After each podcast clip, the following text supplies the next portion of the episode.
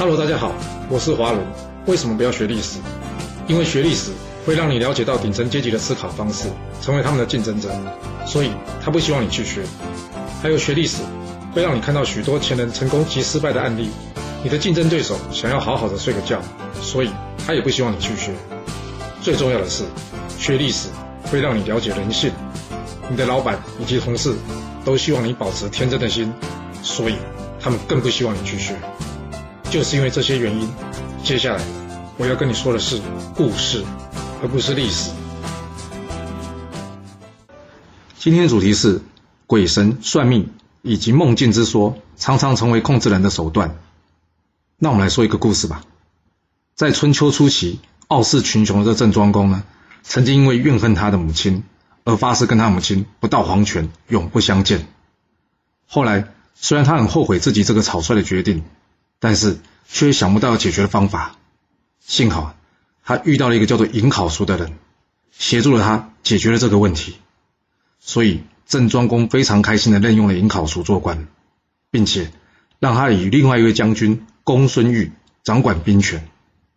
而这尹考叔呢，也在后来多次的战事中崭露头角，为郑国立下了不少的汗马功劳。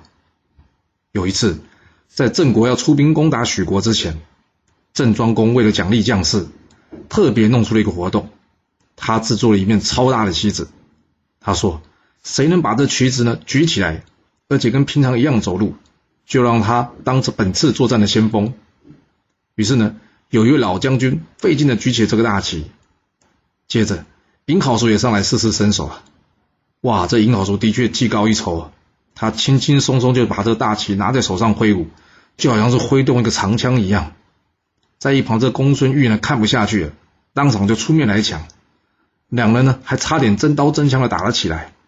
后来在郑庄公的阻止下，两人才就此打住。尹考叔最后呢顺利当上了这场战争的先锋，但是他万万没想到，他却在攻打许国的时候呢，被自己人从背后射出冷箭，当场死亡。回国之后呢，这郑庄公非常愤怒啊。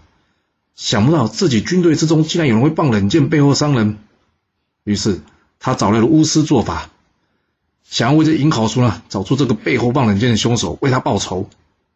那你觉得这有可能会成功吗？哎，就在做法第三天完成时，还真的有一个人自称是尹考叔，披头散发走上大殿，他说自己是被公孙玉背后放冷箭射死的。说完之后。当场自尽。郑庄公一看，哎呀，这个自尽的人不是别人呐，正是公孙玉啊！难道是公孙玉被尹好叔附身，自己前来认罪？很多人喜欢假借鬼神命理之说，或是叙述梦境来达到他的目的。为什么呢？因为大家爱听嘛。由于这种事很难证明，加上宁可信其有，不可信其无的观念，大家也就比较能接受了。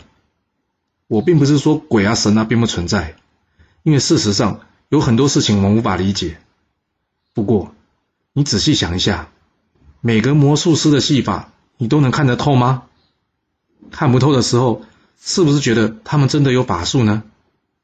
而这些鬼神算命或是梦境之说，会不会有很大的一部分也是别人的把戏，只是我们没有看透而已呢？就拿这件事为例吧。会不会郑庄公早就知道公孙玉就是凶手了？他不用正式的方式处理，很有可能是因为公孙玉的家族势力很大。